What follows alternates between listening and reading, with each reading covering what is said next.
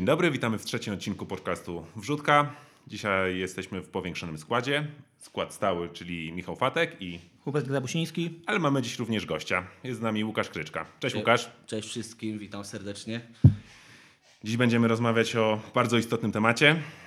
O najlepszej lidze świata, czyli o naszej kochanej Ekstraklasie i nie mogliśmy zaprosić jakiegokolwiek innego eksperta niż Łukasza, który tutaj z naszego grona na Ekstraklasie zna się najlepiej i możemy śmiało powiedzieć, że jest ekspertem co do tego zagadnienia.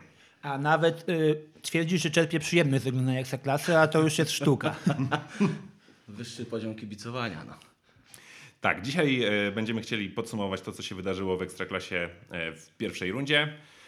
Pomówimy o Rakowie, pomówimy o Legii, pomówimy o Beniaminkach. Podsumujemy to, co się działo, powiemy nasze przewidywania, jak będzie wyglądała w naszej ocenie runda wiosenna. Zapewne nie będziemy e, unikali dygresji, bo Ekstraklasa to jest jednak temat, który nas fascynuje i e, który daje dużą przestrzeń do e, zbaczania z głównych tematów, no ale jak to mawiają, dobra rozmowa jest wybrukowana dygresjami.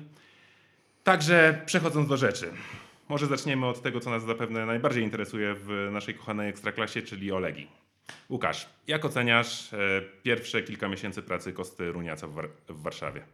Przede wszystkim no, raczej pozytywnie. Chciałbym zobaczyć, że poprzedni sezon, który nie przyniósł nic dobrego, nic nie wniósł do naszego życia, oprócz wielu zdenerwowanych chwil, no to teraz jest super, tak? Jest drugie miejsce, jest poprawa, jest walka, jest zaangażowanie.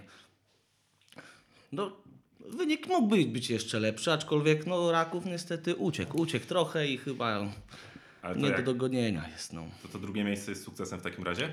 Uważam, że na tą sytuację kadrową jak najbardziej, tak. Wiesz co, no, ja mam przede wszystkim taki problem, jak patrzę na Legię w tym sezonie Zaruniaca, że kiedy on przychodził, to mając w głowie to, w jaki sposób grała jego pogoń, to tak liczyłem, że przede wszystkim zbuduje drużynę od tyłu i Legia będzie tracić mało bramek. No ale zdarzała się, zdarzały się mecze, mam tu na myśli zwłaszcza mecz z Krakowią i z Rakowem, przegrane odpowiednio 3-0 i 4-0, gdzie no ta obrona się całkowicie posypała i mam takie wrażenie, że trochę jednak tutaj jeszcze przed e, sztabem trenerskim Legii pracy w Tak, tylko zwróć uwagę, że przez większość rundy był ten problem, że tak, raz, pierwsza kontuzja Nawrockiego, potem kontuzja Jędrzejczyka, Johanssona. No jak można było, wiesz, y, zgrać tą ekipę, jak co chwila któryś z podstawowych graczy wypadał sobie nie, ze składu i, No i Wieteska odszedł. No i odszedł Wieteska. No. Powiedzmy, że To, to nie jest- no, strata, jest- strata duża. No. Jak Wytyska odszedł, to jest wzmocnienie. Właśnie to, Ale dobrze sobie radzi w tej Francji, w tym Clermont. Ale to jest duże zaskoczenie, bo on faktycznie tam sobie dobrze radzi.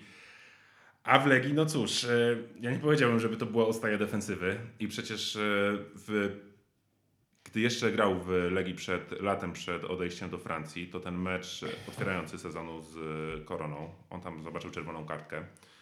E, Strasznie, spóźniony za każdym razem był. No to dobry miał początek, dobre wejście w sezon. tak, więc co to się dzieje? Czy czasem nie jest tak, że tutaj na Łazienkowskiej mamy jakąś żyłę wodną, że ci piłkarze trochę sobie nie radzą?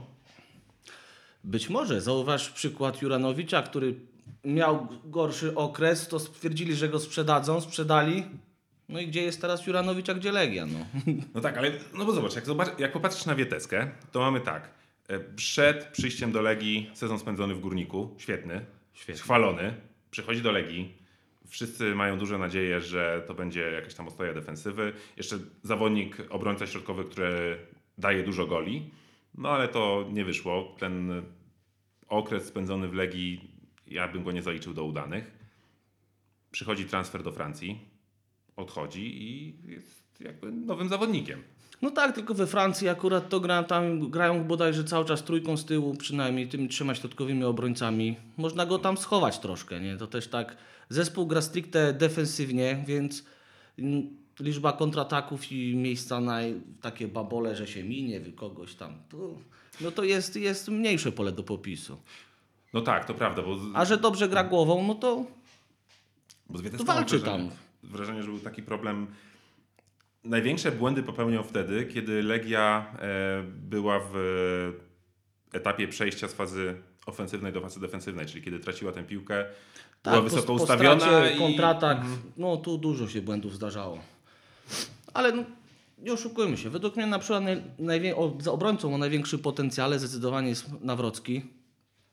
Chociaż i on jak jednego babola w meczu nie strzeli, to chyba jest chory wtedy. Aczkolwiek y, potencjał ma na, naprawdę na reprezentację Polski, nie oszukujmy się. No. on już jest w Legii na zasadzie transferu definitywnego. Już został To nie jest- wykupiony, to- tak. to już, jest już został wykupiony.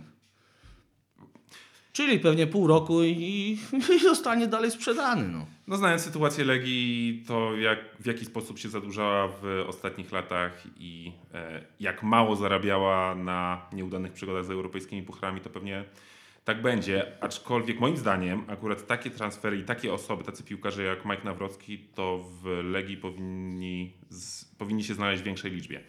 Dlaczego? Ja mam podstawowy problem z polityką transferową Legii w ostatnich latach, bo te transfery do klubu piłkarze tacy jak Castrati, e, jak Rose, to są zawodnicy, którzy przychodzili do Legii w wieku, powiedz, nazwijmy to średnim jak na piłkarza. Nie byli najmłodsi, nie byli najstarsi. Nie mieli Nie, już... nie, nie, tu muszę Ci przerwać. Castrati miał 21 lat, no Rose faktycznie 29. Aczkolwiek Castrati totalny nie wypał, a Rosa w ostatnim czasie chciałbym do, zaliczyć do jednak tych pewniejszych punktów defensywy, bo naprawdę bardzo dobrze się spisywał i nie popełniał tych katastrofalnych błędów z początku jego przygody z Legią, gdzie każde jego wejście na boisko no, śmierdziało bramką dla rywali od razu. No. No to, to prawda, ale idźmy dalej. Eee, Joelana, który całe szczęście już w Legii nie jest. Eee, czy no to pomyłka akurat, fa- faktycznie. Tak. Do czego zmierzam? Legia, ale w zasadzie cała polska liga. To jest miejsce, w którym powinno się ściągać raczej piłkarzy, którzy chcą stąd jak najszybciej wyjechać. Dlaczego? Jeżeli przyjdzie ci piłkarz z zagranicy, który nie ma jakichś też e, związków uczuciowych, nazwijmy to, z Legią, przyjdzie do fajnego miasta, dobrze tutaj zarobi, bo Legia do niedawna jeszcze oferowała wysokie kontrakty, no to on trochę przestaje myśleć o grze, przestaje być zmotywowany. Jemu bardziej zależy na tym, no, co miesiąc widzi na koncie odpowiednie pieniądze. Ma fajne miasto, może się pobawić i tutaj trochę widzę taki brak ambicji. A jeżeli piłkarz nie ma ambicji, no to co się dzieje? Przestaje grać w piłkę. Masz słuszność, stuprocentową słuszność. Aczkolwiek no, myślę, wydaje, że ciężko jest tak zbudować zespół oparty, żeby sprowadzać zawodników z polskiej ligi utalentowanych, bo wiadomo, ceny jakie windują sobie nawzajem nasze kluby ekstraklasy są no, horrendalne po prostu. No. I w ten sposób, no okej, Legia raz kupiła Slisza, no, ale wydała na to prawie 2 miliony euro, tak? I czy Slisz się sprawdził? No jak dla mnie to on jest wart takie pół miliona euro, aczkolwiek no, jeżeli chcemy tak budować, to niestety musimy przepłacać. To jest troszkę na zasadzie jak w Anglii, no, że z Anglii do Anglii idzie za 40 baniek ogór jakiś taki totalny, a ten sam gościu jak ma wyjechać do Francji, to sprzedadzą go za piątkę, nie? A tutaj no, chciałbym zauważyć, że no, ciężko też. A inna sprawa, no, że jednak tych doświadczonych, starszych zawodników z zagranicy też czasami trzeba ściągać, żeby ci nasi młodsi się od kogoś mieli uczyć, tak? Wystarczy spojrzeć na transfer. Pff, Klasa sama w sobie, tak? Zdecydowanie. Każdy, każdy ofensywny gracz naszej ligi powinien podpatrywać, jak ułożyć przede wszystkim stopę przy podaniu, jak można uderzać piłkę, jak, asyst, jak się powinno asystować. A no, Ale to jest chyba już kwestia bardziej wyszkolenia. Ja mam wątpliwości, czy piłkarz w wieku na przykład 25 lat może się jeszcze czegoś nauczyć, e, może jeszcze rozwinąć swoje takie umiejętności czysto piłkarskie. Czy to już nie jest trochę za późno i ta jego pamięć mięśniowa trochę inaczej funkcjonuje? uczymy się całe życie, aczkolwiek też uważam, że 25-letni piłkarz to już jest, no nie, powiedzmy, nie będę mówił, że stary piłkarz, aczkolwiek y, no to na pewno nie jest młokos, który, z którego można coś tam kształtować. Wiadomo, jeżeli on posiada odpowiednie umiejętności czysto techniczne, czysto piłkarskie, to przy odpowiednim trenerze, który tam wydobędzie z piłkarza wszelkie inne pozostałe zdolności, można fajnie go ułożyć taktycznie i wtedy na pewno coś tam jeszcze się chłopak może rozwinąć, tak? Bo jak zdobywasz pewność siebie, to i zawsze ci lepsze zagrania mogą wychodzić. No i tak to wygląda. Aczkolwiek yy, wracając do meritum naszego twojego pytania, 25 lat, faktycznie, to już się nie, raczej nie nauczy niczego. Zdecydowanie. Mnie to strasznie zastanawia. Legia, klub z y, największego polskiego miasta, który ma potencjał do tego, żeby z kraju, który interesuje się piłką, klub, który ma rzesze kibiców, całe zaplecze pod tytułem stadion, pod tytułem baza treningowa, a w porównaniu z y, klubami z naszego regionu, Slavia w Czechach, czy wcześniej y, Wiktoria Pilzno. No, do Szeryfa nie będę bardzo porównywał teraz, bo to jest jednak klub y, zbudowany na pieniądzach w zasadzie pochodzących z działalności przestępczej. Ale widać, że trochę zostajemy w, w tyle i ciekawi mnie, czym to jest spowodowane. Bo przecież jeżeli porównamy Polskę i Czechy, pi- piłka nożna w Polsce jest na pewno popularniejsza niż, w- niż w Czechach. Tam bardziej jednak kibice zwracają uwagę na hokej, a jednak zostajemy trochę w tyle. Co prawda, oczywiście wyeliminowaliśmy y, rok temu jeszcze za Czesława Michniewicza z Slawie Praga, ale jednak ta różnica mam wrażenie, że z e, każdym rokiem między klubami z Polski a klubami z naszego regionu, czy to bardziej z południa, z Czech, Słowacji, czy bardziej z północy, na przykład kluby skandynawskie coraz bardziej się powiększa. Wystarczy spojrzeć na ranking UEFA, tak? gdzie, gdzie byliśmy jeszcze parę lat temu, a gdzie jesteśmy dziś. To jest już koło 30 miejsca. No. Co na to poradzić? No to, to już jest pytanie chyba do jakichś ekspertów ekonomiczno-tech... Nie wiem, po prostu ciężko stwierdzić, jak, jak przyczyn jest na pewno mnogo, tak? Aczkolwiek y, dla mnie jest niepojęte to, że my przede wszystkim budujemy zespoły na tym, że o, ściągniemy 35-letniego Portugalczyka, czy innego tam jakiegoś Słowaka, zapłacimy mu tyle, co on u siebie nie zarobi przez y, trzy sezony. I w tej chwili, no nie wiem, jesteśmy około 30 miejsca w rankingu UEFA, ale płatność, jeżeli i chodzi o pieniądze, jakie kluby płacą piłkarzom, no to w 15 jesteśmy na pewno, tak? Ja myślę, że wyżej, przecież kontrakt telewizyjny Ekstraklasy jest ogromny A kontrakt to z kolei chyba mamy koło 10 miejsca w Europie. i tutaj są dwie Więc kwestie. pieniądze są, tylko kwestia jak się je wydaje. Tak. Albo ten kontrakt mamy przepłacony, znaczy na pewno mamy przepłacony, bo To Ekstraklasa nie jest pewno. tyle warta. Chociaż z drugiej strony no pamiętajmy, że jednak e, kibice chcą ją oglądać i kupują te abonamenty Kanal Plus i jakoś to tam się e, w francuskiej spółce sp- spina, że płacą taką, a nie inną sumę za Ekstraklasę. Ale z drugiej strony, i tutaj już e, absolutnie jestem pewien swojego zdania, te pieniądze są przez kluby źle alokowane, bo one idą w większości na pensje zawodników, którzy są po prostu to jest, przepłaceni. jest marnotrawstwo pieniędzy w naszej lidze, to na pewno. Pewnie nie da się tego e, inaczej zrobić, żeby te pieniądze szły na przykład na mm, szkolenie młodzieży, na budowanie jakiejś bazy treningowej, czy budowanie stadionów, chociaż stadiony to akurat w Polsce mamy dobre. No bo jednak mamy jakąś tam e, wolność gospodarczą, zasada salary capu nas nie obowiązuje. E, A powinna według mnie przynajmniej, jeżeli chodzi o piłkarzy polskich do lat, nie wiem, 21, 23, bo pieniądze, wiele talentów jest, przychodzi gościu, ma 20, 19, 18 lat, dostaje 30, 40 tysięcy na miesiąc, Już nie mieszka w piłce. Warszawie. już, No to już, już nie myśli o piłce, to już ma wtedy... Trening to jest tylko niestety zbędny dodatek do jego życia w tym momencie. Mhm, zdecydowanie. Tylko wiesz, no, z Solary Cup akurat byłaby, byłby taki problem, że z punktu widzenia prawnego, ja nie wiem, czy to byłoby do e, przeforsowania w naszych realiach i generalnie w, reali, w realiach europejskich, bo jakąś tą jednak wolność gospodarczą mamy. W sportach amerykańskich i tam w tych profesjonalnych ligach zawodowych to funkcjonuje trochę inaczej. Pewnie też jest temat, temat wart, wart zbadania, e, w jaki sposób to tam jest zorganizowane, no ale realia w Polsce i w całej Europie mamy jakie mamy, więc musimy się tego trzymać. Aczkolwiek apelujmy do wszystkich włodarzy ekstraklasy. Prosimy o rozsądek w gospodarowaniu środkami pieniężnymi, które posiadacie w kasie klubowej. Zdecydowanie. Można się tylko obiema rękami pod tym podpisać. No dobrze, to może e, tak jeszcze e, kontynuując wątek Legii. Łukasz, jak oceniasz transfery? A w szczególności jeden transfer powrotny, czyli Carlitosa, po którym ja szczerze mówiąc się więcej spodziewałem. Ja szczerze mówiąc też. No myślałem, że wejdzie z buta, bo co by nie mówić, grał w tym Panathinaikosie tam, nawet też strzelał jakieś bramki, więc no nie, pod- nie porównujmy teraz Ligi Greckiej, bo ona też się trochę stoczyła, aczkolwiek skoro gościu był w formie dobrej fizycznej, wiadomo, przyszedł od razu ile tam było, dzień, dwa, trzy od transferu, od podpisania kontraktu, on już wybiegł na boisko, tak? Czyli w formie fizycznej był.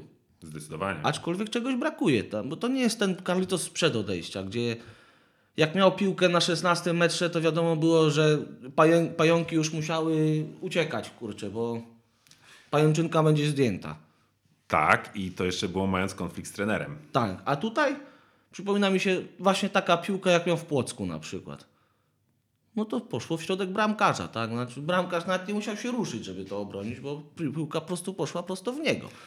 No też wiek mógł zrobić swoje, bo e, to już jest jednak piłkarz dwa lata starszy niż e, było to, kiedy odchodził z Legii. To Ale dobrze przyjęty, 30-letni. wystarczy zobaczyć Instagrama, jak się dobrze dogaduje z Josue, z Ribeiro, Przecież on chciał przyjść do Legii, on zapłacił. a to z, jedna z zrzekł, własnej... zrzekł się pieniędzy. Nie zapłacił, tylko zrzekł się pieniędzy. Moim zdaniem na to samo wychodzi. Ale okej. E, Aczkolwiek teraz tak, no, największym według mnie y, plusem to jest oczywiście wykupienie Nawrockiego, tak. Bądź co bądź, no, milion euro w dzisiejszych czasach dla Legii to była bolesna na pewno strata, ale na pewno warta, bo I jeszcze na początku sezonu, na początku rundy od razu dostał, doznał kontuzji. dokładnie. A, no ale myślę, że no, po sezonie raczej nie będziemy z nim żegnać, chociaż ja osobiście marzyłbym, żeby został również na kolejny sezon. A tak z największych, że tak powiem, naj, znaczy najsłabszy to według mnie Baku mimo wszystko. O wiele Właśnie więcej miałem się, się o wiele więcej się po nim spodziewałem. Wejście miał takie, że próbował, szarpał, no ale widocznie w tych pierwszych tam trzech, czterech meczach zabrakło bramki, asysty, żeby to jakoś podkreślić dobrą dyspozycję, no która potem uleciała i, i, już nie wróciła, tak. Szczególnie pamiętając, w jaki sposób on grał przed odejściem do Turcji w Warcie Poznań. To był tam zawodnik robiący różnicę. Jak Dokładnie. Słyszałem, przychodzi do Legii, oho, mamy, mamy kozaka. Mamy kozaka, ale no wyszło jak wyszło. Dobra, a tak jeszcze z transferów. Po co Legii był e, taki transfer jak Dominik Ładun? Bo nie do końca rozumiem tego ruchu. Znaczy, no, by- po pierwsze, jak to się mówi, podnieść rywalizację. Trzecia, druga kwestia jest taka, że no jest, jest Tobiasz, tak, jest Miszta, no to są cały czas, jakby nie patrzeć, gołowąsy w naszej lidze. A Chładun, co by nie mówić, już tam blisko trzydziestki na karku, no troszkę doświadczenia na tych treningach tam do rywalizacji na pewno też podnosi. No, na pewno zdawał sobie sprawę, że ciężko będzie mu się przebić do pierwszego składu. Też pewnie nie zdawał sobie sprawy, jak przychodził do Legii, w jaki sposób eksploduje e, talent Tobiasza. O tak. To jest bardzo pozytywne zaskoczenie całej tej rundy, jakby nie patrzeć. Postawa Kacpra, który momentami przypomina nam początki Artura. Momentami też może być tak, że po tym sezonie e, Legia niestety będzie się musiała z nim rozstać. Chociaż on wydaje się dosyć rozsądny i pewnie będzie chciał jeszcze trochę nabrać doświadczenia w tej ekstraklasie, mając w pamięci to, w jaki sposób potoczyła się e, kariera Radka. Liczmy w zapewnienia jego, że bez mistrzostwa przynajmniej nie odejdzie. No czyli jeszcze przynajmniej te półtorej sezonu musi być z nami. No dobrze, że akurat nawiązałeś do tego mistrzostwa, bo tak, aktualnie po połowie sezonu, dokładnie po 17 meczach, czyli jeszcze 17 przed nami, mamy Legia ma do Rakowa 9 punktów straty. To jest do odrobienia. Dokładnie, 9 punktów. Jeżeli Raków utrzyma dyspozycję z jesieni, absolutnie nie, według mnie.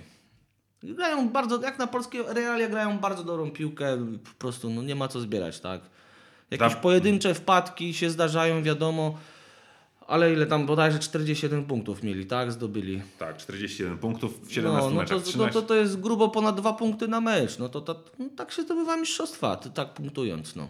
Dawno nie było w polskiej ekstraklasie drużyny, która by tak zdominowała rozgrywki, szczerze mówiąc. Bo nawet Legia za tych swoich e, dobrych czasów, to jesień zawsze miała taką, nazwijmy to mocno średnią, bo była też uwikłana w rywalizację No ale właśnie, zawsze pucharach. były puchary, trzeba było rotować, trenerzy się skarżyli, jak to mówi probierz, pocałunek śmierci to puchary, tak? Tak, co ciekawe, w zasadzie Raków do momentu, jak e, rywalizował w eliminacjach mm, europejskich pucharów, to wtedy w zasadzie przytrafiały mu się mm, te straty punktów.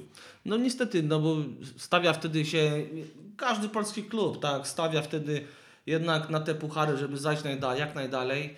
Wtedy na ligowe mecze wysyła się powiedzmy rezerwowy skład, aczkolwiek każdy trener mówi, że ma równorzędnych tam 20 zawodników powiedzmy, wtedy jest zadowolony.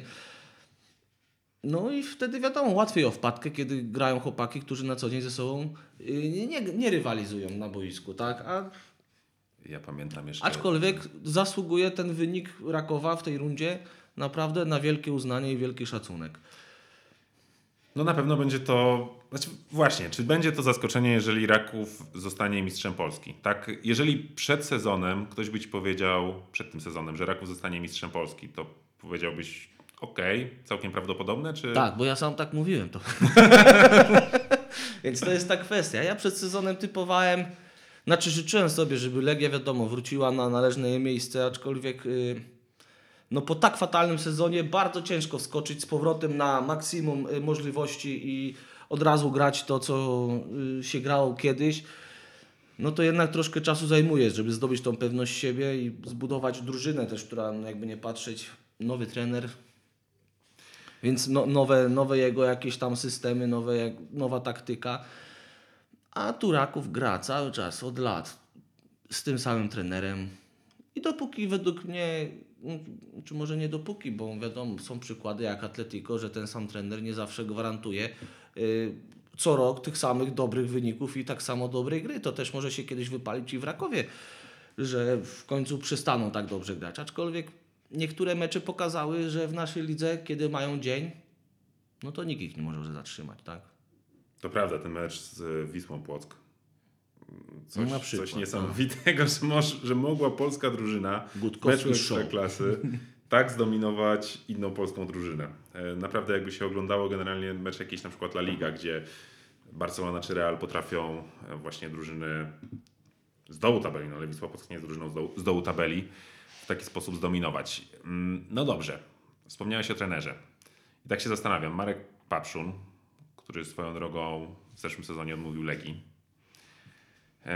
Co było dosyć, dosyć ciekawe, być może widział, co się z Legią w najbliższych latach szykuje, że e, będą jakieś problemy i być może ta Częstochowa to jest lepsze miejsce do zbudowania fajnego projektu.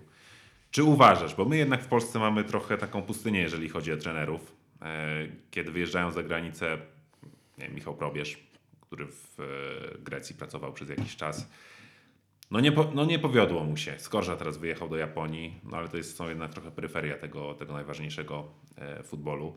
Czy uważasz, że Marek Papszun to jest kandydat na polskiego trenera, który ma szansę zrobić taką karierę, nazwijmy to, karierę za granicą po prostu. Czyli pójdzie gdzieś na przykład, nie wiem, do Bundesligi, obejmie jakiś klub z, ze środka, z dołu tabeli i jakoś zbuduje tam fajny zespół? Czy jednak to jest taki trener skazany jak większość tych obiecujących e, trenerów polskich do tej pory na pracę w Polsce i za granicę, to może ma, będzie miał szansę zobaczyć co najwyżej w europejskich pucharach, jeżeli tam zagra.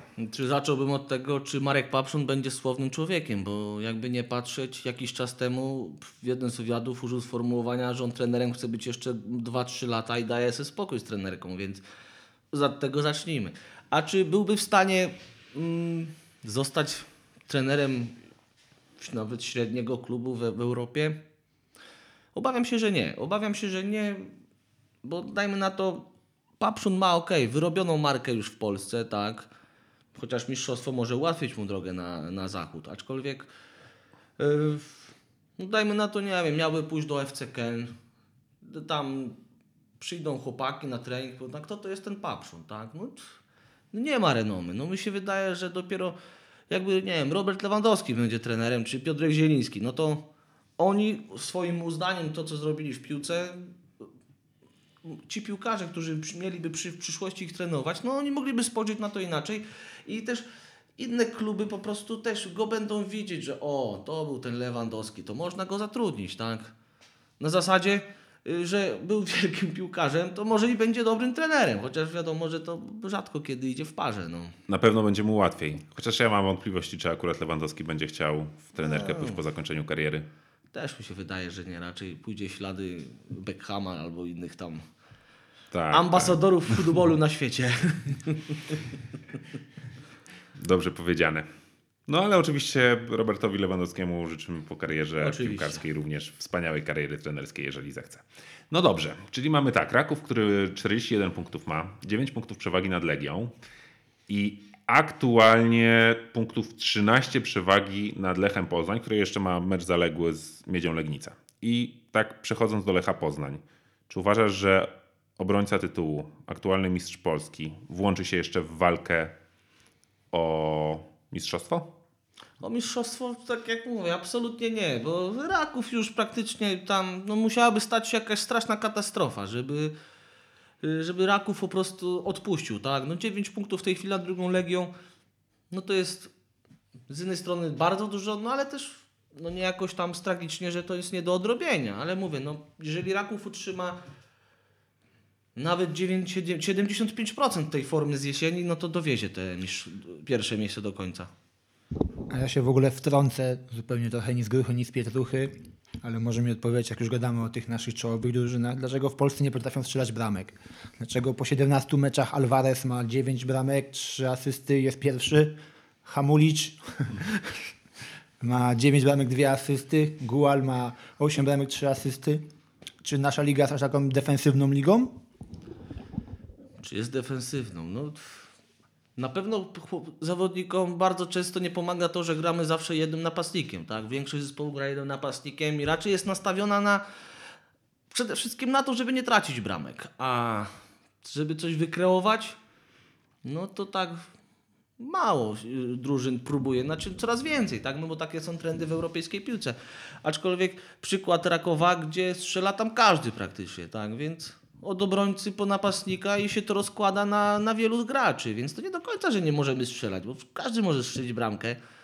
Tylko Polskie może jakość City. napastników jest może zbyt niska. Aczkolwiek można jeszcze zauważyć, że jest to chyba też taki światowy trend, że dzisiaj, w dzisiejszej dobie o dobrego napastnika środkowego jest ciężko. Ja mam na ten temat trochę inną teorię. Znaczy, po pierwsze tak, ciężej jest strzelać bramki generalnie, jeżeli piłkarze są słabiej wyszkoleni technicznie. W Polsce w ekstraklasie piłkarze są słabiej wyszkoleni technicznie. Każdy, kto tutaj przychodzi, mówi, że to jest przede wszystkim liga fizyczna. Więc siłą rzeczy drużyny, trenerzy skupiają się bardziej na defensywie, a w, do przodu no jest jak jest. Jak strzelamy bramki, jak drużyny e, ekstraklasy strzelają bramki, to przede wszystkim ja mam wrażenie, że to jest bardziej robione trochę na aferę. Mniej jest takich akcji składnych, przemyślanych.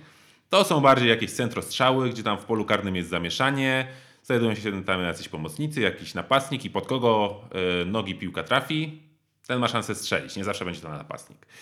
E, Więc mam wrażenie, że po prostu wynika to przede wszystkim z tego, że mniej jest u nas składnych akcji budowanych z jakimś tam pomysłem, tylko bardziej gramy na aferę. Gramy przede wszystkim wrzutki w pole karne, jakieś stałe Też fragmenty gry. bardzo duża ilość bramek z kontrataków. To też nie pomaga napastnikom w tym sensie, że yy, właśnie to są zawsze jakieś szybkie, a nie konkretnie akcja budowana pod to, aby ta piłka na koniec trafiła do tego napastnika, tak?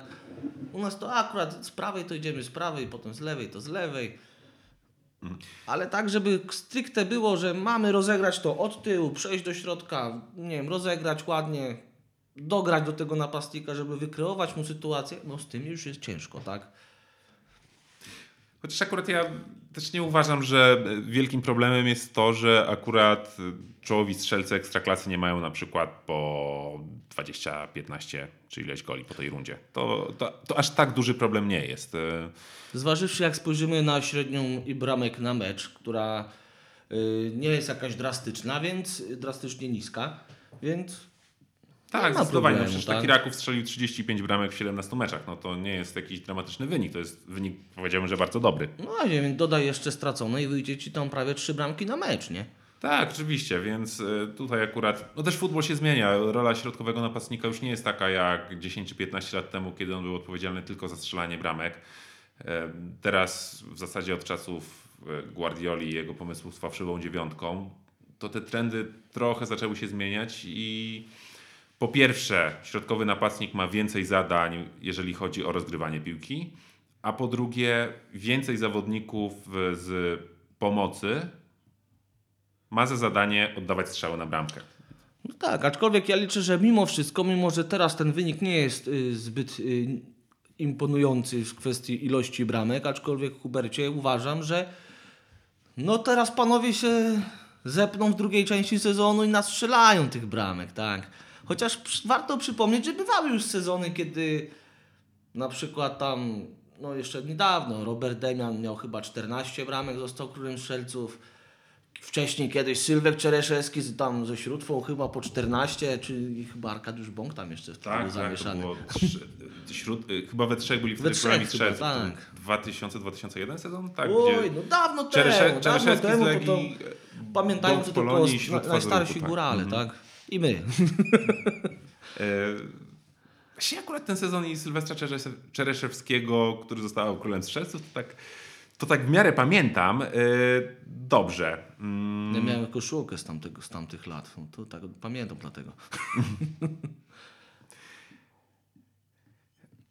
W takim razie, e, jak rozumiem, uważasz, że Lech nie włączy się do walki o mistrzostwo, ale Lech zajmie chyba, trzecią pozycję według mnie.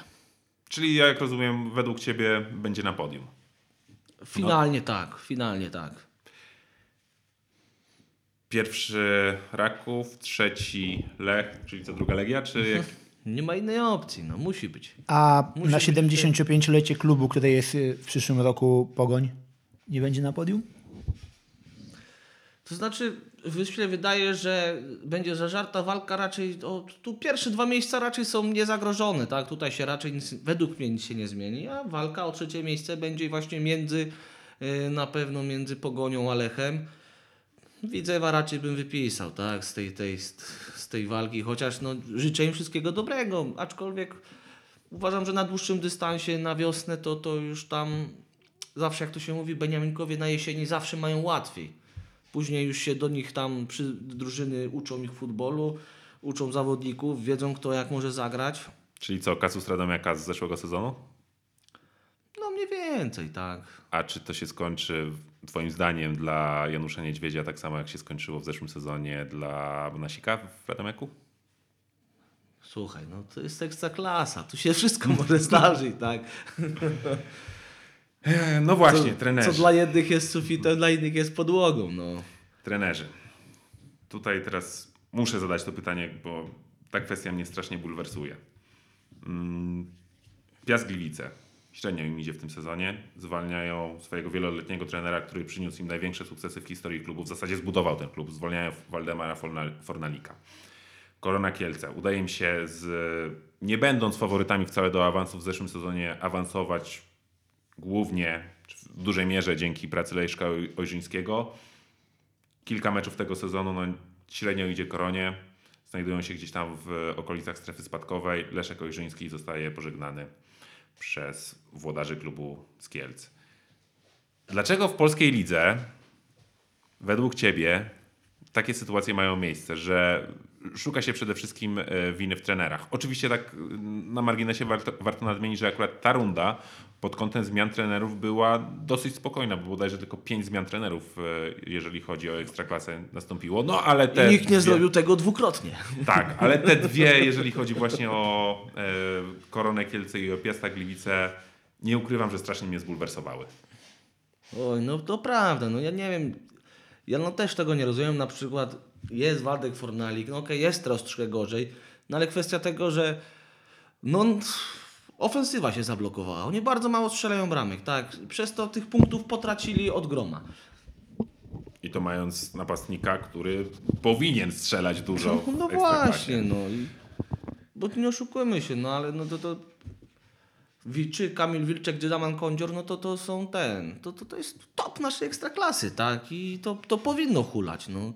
Na papierze tam wszystko wygląda ok, no a no ale niestety, no teraz z takim trenerem to ja im nie życzę zbyt wielu sukcesów, jakiego zatrudnili, no. To, to jest dosyć ciekawa sprawa, bo jednak Wukowicz do tej pory był kojarzony w zasadzie tylko z Legią. Tam z jakimś epizodem. On w motorze pracował raz, razem z Saganowskim, czy ominęła go ta przyjemność? Wukowicz w motorze Lublin? Tak. No, przynajmniej nie w najbliższym, w ostatnim czasie, to na pewno nie. Okej, więc Piast Gliwice moim zdaniem się powinien utrzymać, bo jednak tak jak powiedziałeś, no tacy zawodnicy jak Kamil Wilczek czy jak Damian Kądzior na realia ekstraklasy samą swoją jakością powinni temu zespołowi dać utrzymanie. No, też e, nie oszukujmy się, Piast Gliwice ma znacznie moc- mocniejszą kadrę niż e, Korona czy Miedź. ale chyba będzie zaangażowany w, do końca w tę walkę o utrzymanie. Bo tak jak się patrzy na tabelę, no to moim zdaniem tutaj y, 5-6 drużyn będzie walczyło o ten spadek. Tutaj parafrazując Franciszka Smudę, czyli Jagiellonia, czyli Lechia, Zagłębie, Piast, Korona i Mieć Legnica. Kto twoim zdaniem z tej szóstki lub ewentualnie jakiś inny zespół, który tutaj byś wstawił w przyszłym sezonie pożegna się z Ekstraklasą? Zacznijmy od tego, że w moich przedsezonowych przewidywaniach dwa zespoły, które typowałem do spadku są dosyć wysoko, bo chodzi mi o Wartę Poznań i o Stal Mielec, którzy bardzo pozytywnie zaskakują. Właśnie, Stal Mielec gra naprawdę bardzo fajną piłkę, mają w ataku Hamulicia, który Adam Majewski na ławce trenerskiej to jest moje największe pozytywne zaskoczenie no tej właśnie, rundy. Hamulic już sobie zasłużył, już Papszum go chce do siebie, do Rakowa. Aczkolwiek wydaje mi się, że no, oni już się w tym momencie utrzymali, tak? No, da- da- wydaje mi się, że los pozostałych Beniaminków, y, pozostałych, no dwóch, które są teraz na dwóch ostatnich miejscach, tak? Mieć i Korona. Korona to według mnie jest pierwszym pewniakiem do, do spadku. Mieć to ciekawe, bo mają bardzo ciekawe transfery przeprowadzili latem, tak? Choćby taki Narsing, który no, swego czasu reprezentant Holandii, tak? To były ciekawe i zaskakujące transfery. Nawet E, w spotkaniu z Legią kilka razy szarpnął, więc tylko tam może z kolei aż za dużo tych transferów zrobili i zbyt kolorowo tam jest. Jeden tam, nie wiem, Argentyńczyk, y, Holender, Meksykanin. Po prostu no taką troszkę wieżę Babel stworzyli. Tak, Też mówi się, że futbol ma, mieście. Mhm. jest językiem uniwersalnym, aczkolwiek no nie uważam, że to jakoś tam pozytywnie wpływa na szatnię, jeżeli jest aż taka rozbieżność narodowościowa. Mie- Mieć jest jednym z tych klubów, które zmieniły trenera. Wojciecha Łobodzińskiego zastąpił Grzegorz Mokry, który nie ukrywam, będę śledził to, jak Mieć będzie grała w tej kolejnej rundzie, e, dlatego że czytałem dużo pozytywnych opinii o pracy e, Mokrego w Wigrach Suwałki. Jest to młody trener, rocznik 85. Mieć dwa ostatnie swoje mecze przed, e, przed przerwą zimową. Wygrała. Może to jest jakiś dobry prognostyk. Mają też jeden mecz zaległy, co prawda z Lechem Poznań, więc pewnie Nie odbierajmy im szans. No nie odbierajmy im szans, wiadomo. szans. Ale właśnie y, nawet y, patrząc na mm, klasę tych piłkarzy, przynajmniej na nazwiska, wspominałeś y, Luciano Narsinga też. e, Co ciekawe, przed sezonem latem się jeszcze dużo mówiło, że może do Miedzi Legnica trafi Saido Beraino. A tak, tak, tak. Były, były takie plotki. Ciekawe, czy coś było na rzeczy. To już naprawdę byłby. Aczkolwiek naprawdę łoś- też kawał nazwiska, który kolejny, który by wylądował w ekstraklasie. tak, no to z jest dużym bagażem swego doświadczeń. czasu gwiazda Premier League tak naprawdę i bardzo obiecujący zawodnik, o Niestety parę lat temu. No, No, parę lat Może temu, dlatego tak. właśnie też nie przyszedł. No. Bo jednak ktoś się dopatrzył jednak troszkę regresu z formy. Myślę, że obecnie jednak Mieć Legnica, żaden piłkarz Premier League nie skusiłby się, żeby do tego klubu przejść. Mało wątpliwe, że i do czołowej trójki by przyszedł piłkarz y, z Premier League, ale Może kiedyś. Może, może, może kiedyś dożyjemy takich czasów. Mnie ciekawi też, e, czy, w, znaczy na pewno w, jaki sposób zaangażowana będzie w walkę o pozostanie w lidze Zagłębie Lubin. Jak oceniasz, bo e, zmienili trenera, przyszedł, przyszła postać, o której wcześniej rozmawialiśmy, czyli Waldemar Fornalik. Mm, krótko był bez pracy. Zagłębie miało fatalną końcówkę rundy. To jest e, pięć przegranych pod rząd. Dorzucając do tego jeszcze e, mecz Pucharu Polski z motorem, to jest tak naprawdę sześć porażek w sześciu ostatnich meczach e, rundy jesiennej. Zagłębie wydaje się klubem budowanych na solidnych podstawach, no bo to jest jednak stawianie na młodzież, no bardzo dobra akademia. Oczywiście. Tak, lubimy. ale może się okazać, Mają że oni, skąd czerpać młodzież cały że oni czas. za- zaraz z tej ligi spadną. Może wtedy bardziej postawią, jeszcze mocniej postawią na młodzież. Ja mam co do Zagłębia jeden problem. Znaczy, uważam, że to jest akurat problem Zagłębia, że za mocno stawiają na Filipa Starzyńskiego, bo to jest tam cały czas zawodnik e, podstawowego składu, a widać już po nim, było widać w tej rundzie, że, że już nie dojeżdża. To przez całą rundę w 15 meczach, które rozegrał tylko jedna bramka i jedna asysta, co od zawodnika, na którym tak naprawdę y, opiera się gra Zagłębia, można było od niego oczekiwać znacznie więcej. No to trzeba by wrócić do naszych wcześniejszych wywodów na temat, y, jaka jest nasza liga, czyli fizyczna. A co by nie mówić, Filip Starzyński nigdy nie był y, bogiem fizyczności, tak. Raczej bazował właśnie na tym, co, co jest rzadkością u nas, czyli bardzo dobra technika użytkowa, a na bakier przeważnie, przeważnie był z motoryką. No, niestety, cza- czasu się nie oszuka. Filip staje się coraz starszy. Co Do zrobić? tej, no? do tej pory zrobić? sobie radził. Do tej pory sobie radził, ale to pewnie dlatego, że jako jeden z nielicznych zawodników ekstraklasy potrafił prosto i w miarę mocno kopnąć piłkę, co mu tam jakiś handicap zapewniało. Ale No ze stojącej pewnie i do dziś umie dobrze kopnąć tam. Da, dasz mu rzut wolny 30 metr, to coś tam może wpadnie jeszcze. To no. prawda, to prawda. E, Słuchaj Łukasz, e, powiedziałeś, że twoim, e, jak rozumiem, pozytywnym zaskoczeniem jest postawa Stali Mielec. Tak, tak, tak. Bardzo pozytywnie mnie zaskakuje. Od, od zaraz, od pierwszych meczy jak pokonali Lechan w Poznaniu. Akurat oglądałem ten mecz. Bardzo mi się podobał. Stal naprawdę gra bardzo fajną piłkę. Domyślam się, z jakich powodów ci się podobał ten mecz. Nie, nie, z, tylko z wyjąt... oczywiście dla estetycznych powodów. Tylko, tylko, tylko dlatego oglądamy Ekstraklasę. E, Natomiast em, powiedzieliśmy o Twoim pozytywnym zaskoczeniu, a jeżeli miałbyś wymienić jakieś e, negatywne zaskoczenie w tej rundzie? Może to być klub, może to być piłkarz, może to być wydarzenie. Znaczy, o- jeszcze najbardziej pozytywnie to mnie oczywiście zaskoczył Widzew, tak? Tu jeszcze chciałbym powrócić do pozytywów. No bo jednak Beniaminek, trzecie miejsce. Z tego, co gdzieś czytałem, to oni chyba są na drugim miejscu, jeżeli chodzi o y, ilość średniej zdobywanych punktów w Europie. Chyba tylko tam we Francji Ongers chyba ma więcej. A tak to negatywne, negatywne, no chyba Lechii Gdańsk dajmy na to, bo tak dobry Tak. skład, wszystko tam powinno hulać, a na razie walczą o ten przysłowiowy spadek. Bliżej im do tego celu niż o włączenie się do walki o ponowny To występ w pucharach, tak? No tam na początku sezonu do zmiany trenera to sytuacja Lechii była tragiczna, bo to była faktycznie strefa spadkowa i to jej dolne rejony, bo tam okupowali ostatnie miejsce. E, Ale po tym jak Marcin Kaczmarek objął drużynę, to jakoś zespół się e, zdołał wygrzebać z tej strefy spadkowej. Co prawda oczywiście jest zaangażowany cały czas w walkę o utrzymanie, bo to jest ledwie jeden punkt przewagi. No ale jednak ta sytuacja już się e, trochę lepiej pracuje, e, e, trochę lepiej prezentuje. Zgadzam się z Tobą, że Widzew zdecydowanie zaskakuje. Jest to Beniaminek. Zaskakuje nie tylko samą grą, ale też tym, co wiemy już od paru lat, od czasu, kiedy został oddany do użytku nowy stadion Widzewa, że frekwencja na meczach Widzewa i liczba i przede wszystkim procent w stosunku do pojemności stadionu sprzedanych karnetów sezonowych jest imponujący. To godne pochwały i tego życzymy wszystkim klubom z Ekstraklasy. Tak. No, ja jak miałbym wymienić moje negatywne zaskoczenie tego sezonu, to byłoby wydarzenie i to wydarzenie, które miało miejsce w Pucharze Polski, a mianowicie to, w jaki sposób został potraktowany Śląsk Wrocław po tym e, incydencie rasistowskim w meczu, w rzutach karnych e, w meczu Pucharu Polski. Bo tak, e, mecz z Sandecją, zawodnik drużyny z Nowego Sącza, który strzela karnego, zawodnik czarnoskóry, Zostaje wygwizdany, zostaje, kibice naśladują głosy małp.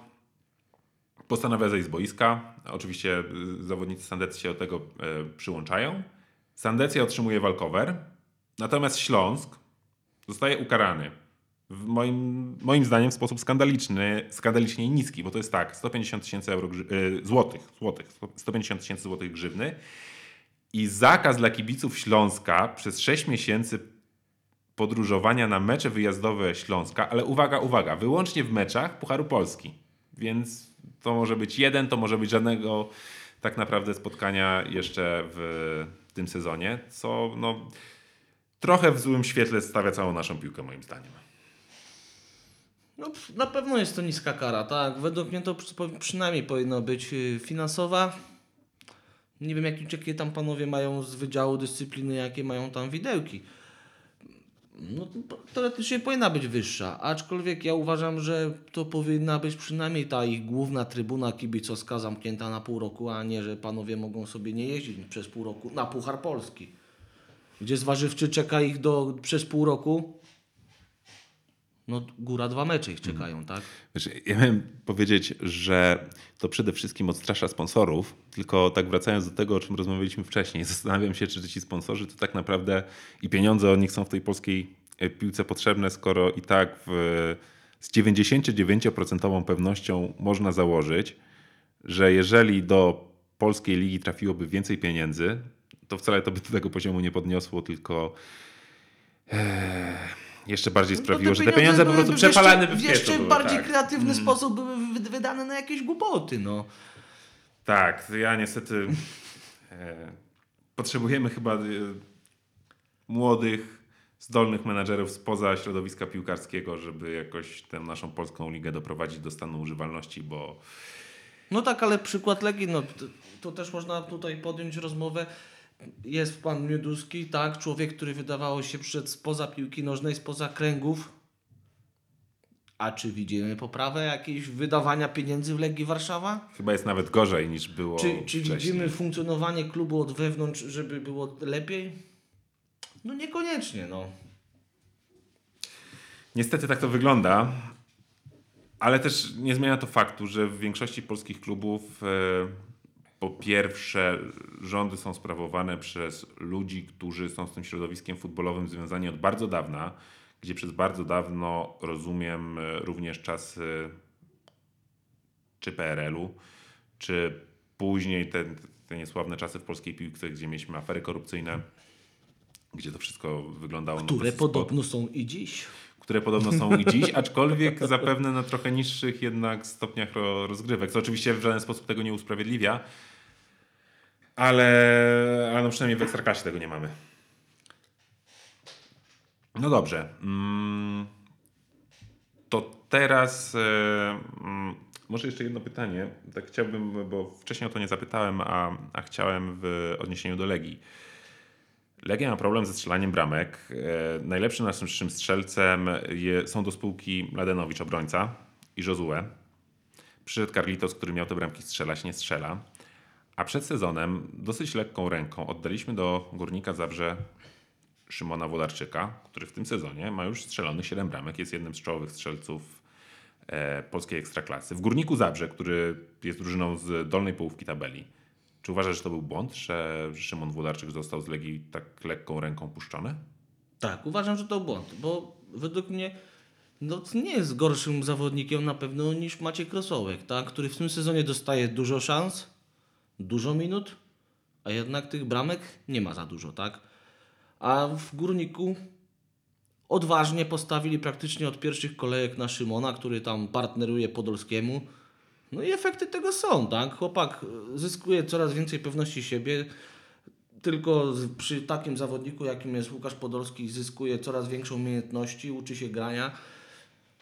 No, zdecydowanie błąd, tak? Powinni troszkę bardziej pogadać, zaproponować mu jakieś fajne warunki, no i przede wszystkim dać jakieś zapewnienie rozwoju, czyli regularna gra, tak? Regular, więcej minut, a- No tego przede w wszystkim tamtym chcieli. sezonie, tamtym sezonie wchodził Szymek, parę meczy, no strzelił tam pamiętam bramkę, czy tam w Pucharze Polski, czy coś, aczkolwiek no jak dostawał 10-15 minut, no to, to tak ciężko takiemu młodemu chłopakowi coś udowodnić, tak? To, to jest w jednym meczu na pół roku, może wejdzie, coś strzeli, wszyscy się cieszą, ale to tak mało, jest mało, no. Nie, może pomyśleli w taki sposób, że z kolei przed jeszcze poprzednim sezonem puścili Ariela Mosura. E, przeszedł do Piasta Gliwice. Mm, I tak w mojej ocenie, gdy zagrał te kilka minut w Legii, wydawało mi się, że ma większy potencjał niż to, co później pokazywał w Piaście. I stąd może tak e, włodarze Legii uznali, że z Szymonem Włodarczykiem sprawa będzie wyglądała podobnie i tak naprawdę nie będzie rokował w, na przyszłość w Legii, więc go oddali. No a może z drugiej strony chcieli odbudować się od razu, przejść na wielkie sukcesy i stwierdzili, że nie osiągną tego dalej ogrywając y, dwóch młodych napastników, że jeden wystarczy. No może tym tokiem myślenia poszli włodarze Legii, tak? Tak, wspominałeś o Macieju Rosołku i uważam, że to nazwisko i ta kwestia może być takim fajnym połączeniem z pytaniem, które bardzo chcę Ci zadać, i które jest specjalnie dedykowane dla Ciebie, bo Maciej Rosołek e, e, coraz bardziej w mojej ocenie przesuwa się w stronę kariery, którą w Legii miał Michał Kucharczyk. I właśnie o Michała Kucharczyka chciałem się Ciebie zapytać. Jak oceniasz rundę w Pogoni Szczecin w jego wykonaniu? A on tam grał, przepraszam bardzo. Słuchaj, 10 meczów zagrane. Że on został tam głównie rezerwowym, no to on już więcej iskry no nie wykrzesi z siebie za bardzo, no. Był walczakiem, był walczakiem, a co, on jak wieku ma teraz 31 lat bodajże, no to coraz mniej sił do biegania. Umiejętności nigdy nie były jego mocną stroną.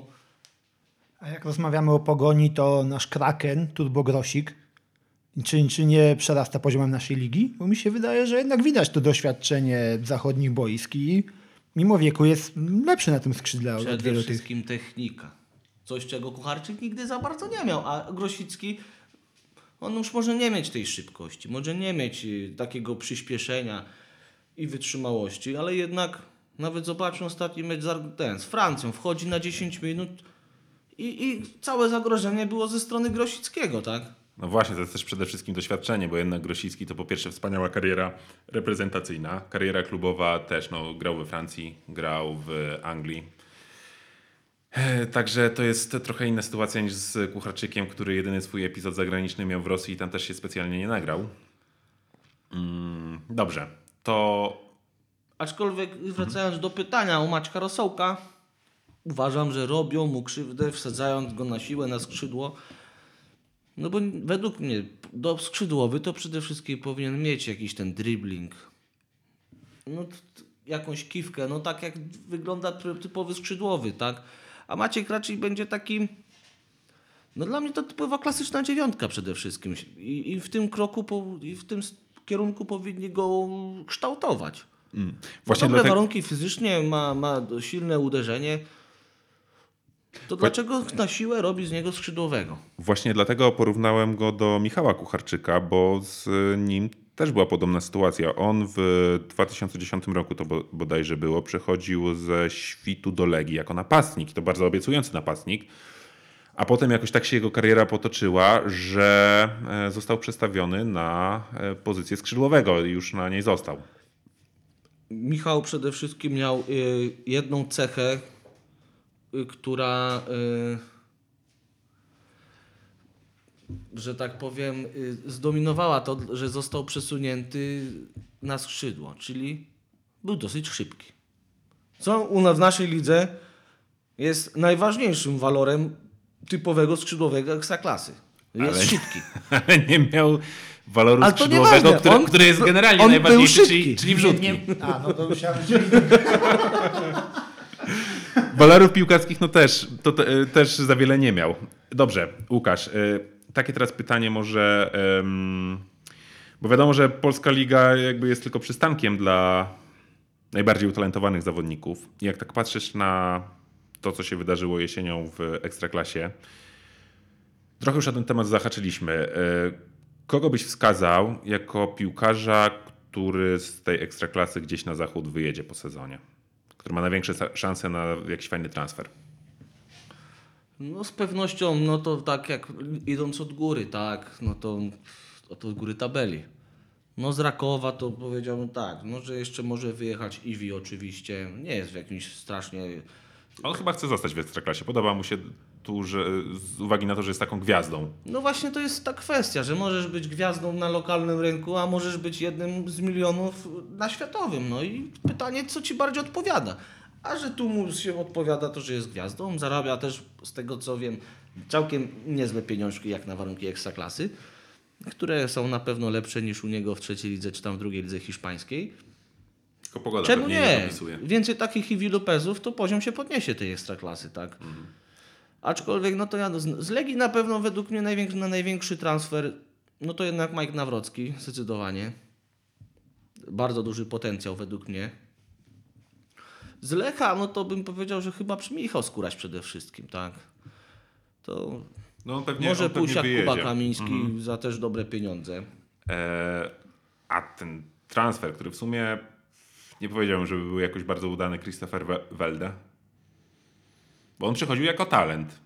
Tak, talent tylko jakbyś, jak, ja nie wiem, czy czytałeś y, wypowiedzi tam norweskich dziennikarzy przed transferem tuż po transferze, którzy, y, no talent był talentem, aczkolwiek y, oni umiejscawiali go na pozycji skrzydłowych w lidze norweskiej, to była, nie wiem, między 5 a 8, tak, że, że niby miał talent, ale nigdy nie był topowym. W młodzieżówce był rezerwowym, do kadry dorosłej się nie dostał, jeszcze. Aczkolwiek różnicę czasami robi. Ma za dużo przystoju w grze, tak, żeby uznać to, że pójdzie gdzieś dalej według mnie.